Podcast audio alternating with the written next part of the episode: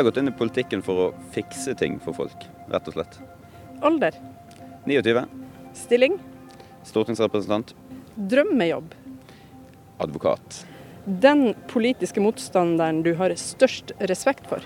Bård Vegar Solhjell i SV. Fordi at han, eh, selv om han kritiserer regjeringen, så gjør han det ikke på, eh, han gjør det ikke på repeat. Han eh, gir kritikk når det kanskje er fortjent, og så gir han faktisk ros og støtte til regjeringen når andre er urimelige. Verste medietabbe?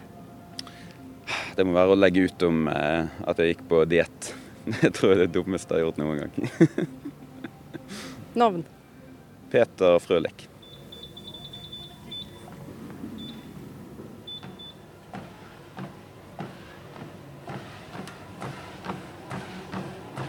Hva veide du da du kom inn på Stortinget for nesten fire år siden?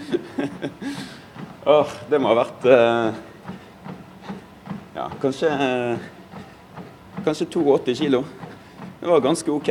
Og så kommer disse berømmelige stortingskiloene. Det er nesten matematisk, det. Det gjelder for alle representanter. Du kan bare legge til grunn at det er, det er ca. halvannet kilo i halvåret. Så kan du bare legge på. så eh, det tok ikke veldig lang tid før det var over 90. Over 90, men begynte du liksom å tenke at du kunne nå 100? Nei, altså Det fine er at vi, så lenge man ikke kjøper eh, så lenge man ikke kjøper nye skjorter, så setter det seg en naturlig begrensning. Vi møter han på treningsrommet i kjelleren på Stortinget.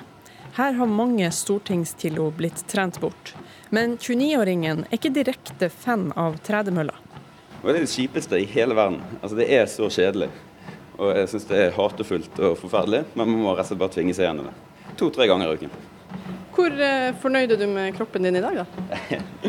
Nei, altså, jeg har alltid vært Det er ikke egentlig kroppsfiksering. Det er bare rett og slett litt det der eh, Den der følelsen av å, å være, ha litt overskudd. Eh, føle at klærne ikke sprenger. Det er egentlig det viktigste. Siden han ikke liker tredemølla så godt, fortsetter vi intervjuet ute på Akershus festning. Altså, du er snart 30 år, men uh, du tar oss med på Akershus festning. Du har allerede snakka litt om museet her, Hjemmefrontmuseet, som du liker veldig godt. Deler du denne interessen for historie og gamle bygg og sånn med, med, mange jevnaldra? det er jo folk som kødder og sier at uh, en uh, har en mental alder som sikkert er 70 pluss. Men uh, nei, altså det er faktisk det er en del, både i politikken og ja, jevnaldrende, som, som, er interessert i historie. Men det er jo litt nerdete, jeg innrømmer det. Du har jo et hjem i Bergen, og der har du rett og slett kjøpt en villa som i 2010 ble kåra til Norges fineste hus. Har du hatt den her i kikkerten lenge? Nei, det, var, det er en, en morsom historie. For uh, det var rett og slett min gode kollega fra Arbeiderpartiet, Jette Christensen, som uh, tipset meg om at uh, det var et hus jeg burde se på. Var på vi var på utkikk etter, etter, hus. Og så satt vi en sen kveld i stortingssalen, og så spurte jeg bare ja, vet du om noen hus. Ja, jeg vet om det perfekte huset, sa Jette. Og et par dager etterpå så var det kjøpt. Han står på den svært sikre tredjeplassen til Høyre i Hordaland.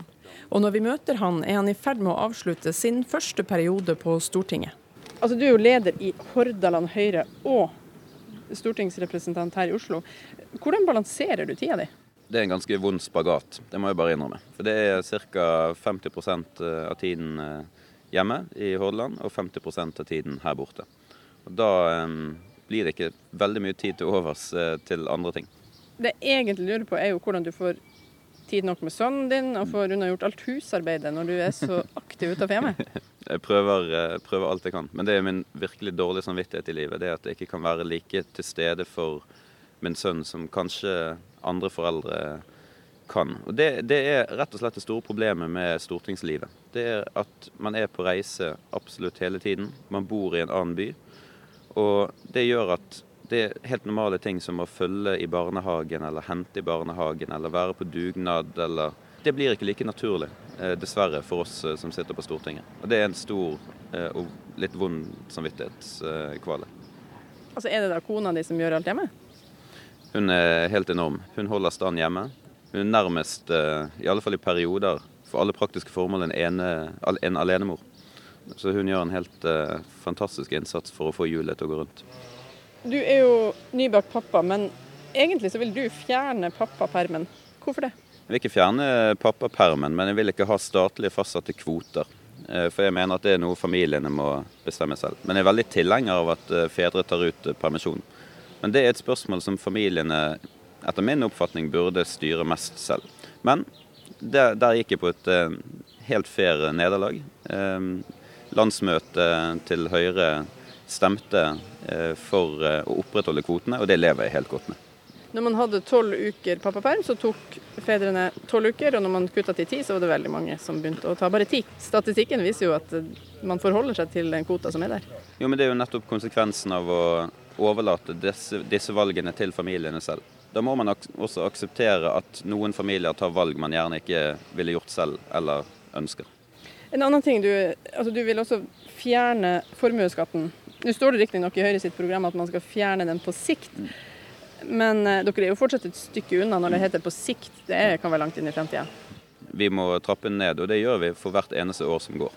Så vet vi at det der er, det der er noe som kommer til å ta tid, dessverre. Fordi at um, det, må, det, må, tas uh, over flere år. Men vi har kommet et godt stykke på vei. og jeg blir veldig glad den dagen eh, den skatten er avskaffet totalt. For den er urettferdig og straffer norsk eierskap og favoriserer utenlandsk eierskap. Sånn kan vi ikke ha det. Men samtidig så sier jo et flertall av Høyre sine velgere i en undersøkelse at de syns at de betaler passe mye skatt. Skattenivået generelt sett i Norge er nok greit. De aller fleste vil si at uh, skattenivået er noenlunde OK. Vi ønsker nok et litt lavere skattetrykk generelt sett. Men det viktigste er jo at enkeltskatter kan ha veldig negative utslag. Formuesskatten er et sånt eksempel. Arveavgiften var et annet eksempel på en veldig urettferdig eh, avgift, sånn som vi så det. Sier han som satt i byråd i Bergen da Høyre og Frp gjeninnførte eiendomsskatten. I lokalpolitikken i Bergen har 29-åringen vært med på å få opp temperaturen i flere saker. Du har jo også stått på barrikadene mot mot å få Bybanen mm. over brygga, mm. eller Bryggen, som vi mm, sier. Ja, ja. det ser jo ikke så lyst ut for uh, at du skal få viljen din gjennom nå? Nei, Det var litt uh, skuffende at uh, et forsvinnende lite mindretall i bystyret i Bergen valgte å overkjøre flertallet der. Det tror jeg mange i Bergen er skuffet og faktisk sinte for. Har du tenkt å gjøre noe med det? Nei, nå sitter jeg ikke i bystyret lenger. Så vi må respektere de demokratiske prosessene som, som er i Bergen.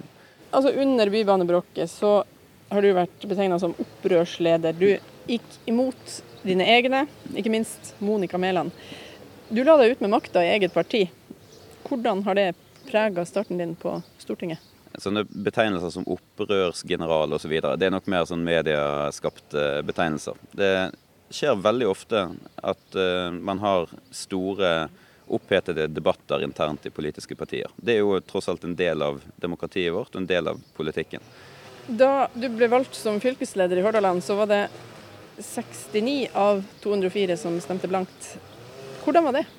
Det var jo i realiteten en avstemning mellom eh, den daværende lederen og, og meg. Og det, det, er en helt fair uh, sak. Noen ønsker å beholde den uh, sittende lederen, og andre ønsket å, og flertallet ønsket å å bytte, bytte, ledelse. Men det har ikke vært noe problem i det hele tatt. Det er jo også en del av partidemokratiet. Liker du å ha litt politisk motstand? Jeg liker først og fremst å, å, ha meninger. For jeg mener det blir utrolig kjedelig hvis man ikke kan uh, kjempe for noe og stå for noe. Det betyr jo noen ganger at man møter på motstand. Anroper. Døren er åpen. Det er ikke uten grunn Frølik vil møtes på Akershus festning. Han vil vise oss militærpolitistasjonen. Her avtjente han verneplikta. Går det an å stikke inn og bare ta en titt? Ja.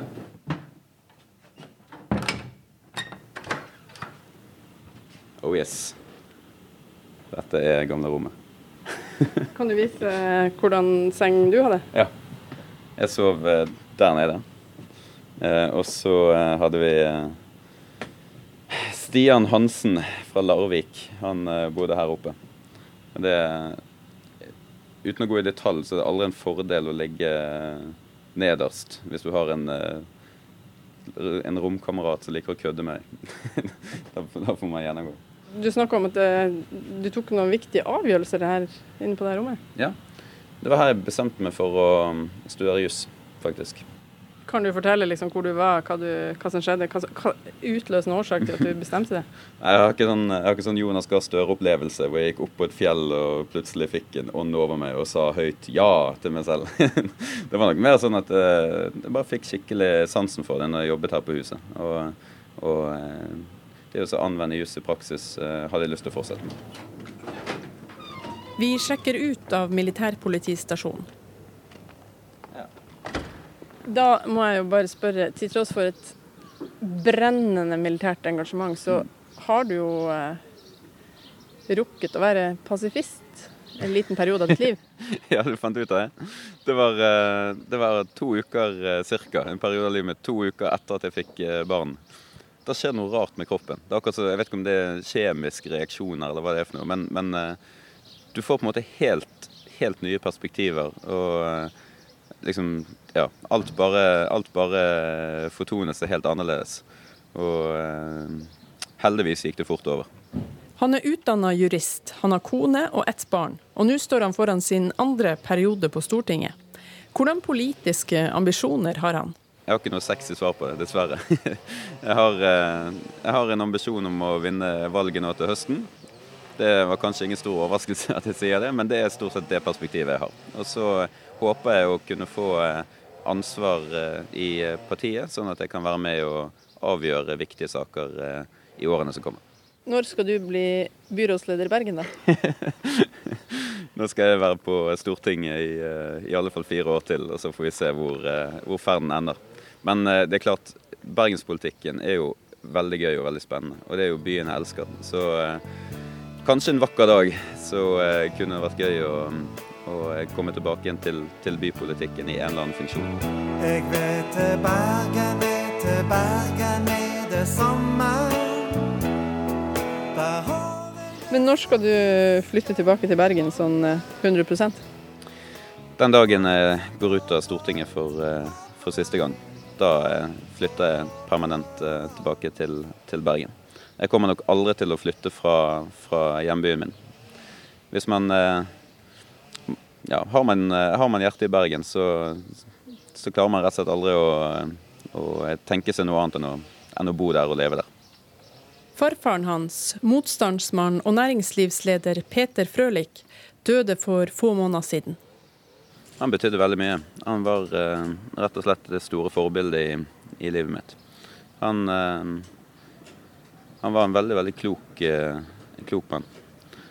Og eh, jeg diskuterte politikk med han helt eh, til det siste. Han var 98 år gammel, og selvfølgelig skral og dårlig til beins og alt dette, men tindrende klar i hodet. Og jeg har veldig stor tro på at vi må lære av den generasjonen, og det var veldig givende for meg. Hvor viktig har han vært for at du er der du er i dag?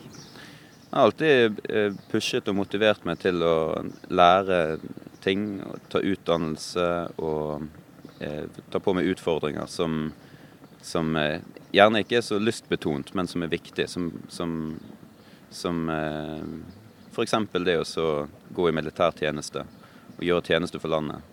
Eh, og stille til valg eh, på Stortinget. Det, det, er nok eh, verdier som jeg har tatt med meg fra han. 29-åringen fra Bergen har akkurat avslutta fire år på Stortinget. Hvordan seire har han innkassert? Den saken jeg har vært aller mest fornøyd med, har nok vært at jeg var med på å avskaffe juryordningen. Det har vært et 200 år gammelt system som kan ha hatt sin funksjon i sin tid, men som definitivt nå var utdatert. Og det var på høy tid at vi fikk avskaffet den og innført begrunnede dommer i Norge. Og så lurer jeg på hvordan eh, du skal feire 30-årsdagen din? Det hadde jeg egentlig håpet jeg hadde egentlig håpet å slippe å feire det. Jeg er kommet i den, eh, kommet i den fasen hvor jeg egentlig ikke, ikke liker å feire bursdager. Så, men jeg må kanskje det. Hvis man, eh, hvis man, er 30, så må man kanskje ha et eh, lite kalas. Det får bli en hagefest da, kanskje. Det er gøy. Helt til slutt, slagordet. Kuler og krutt og skattekutt.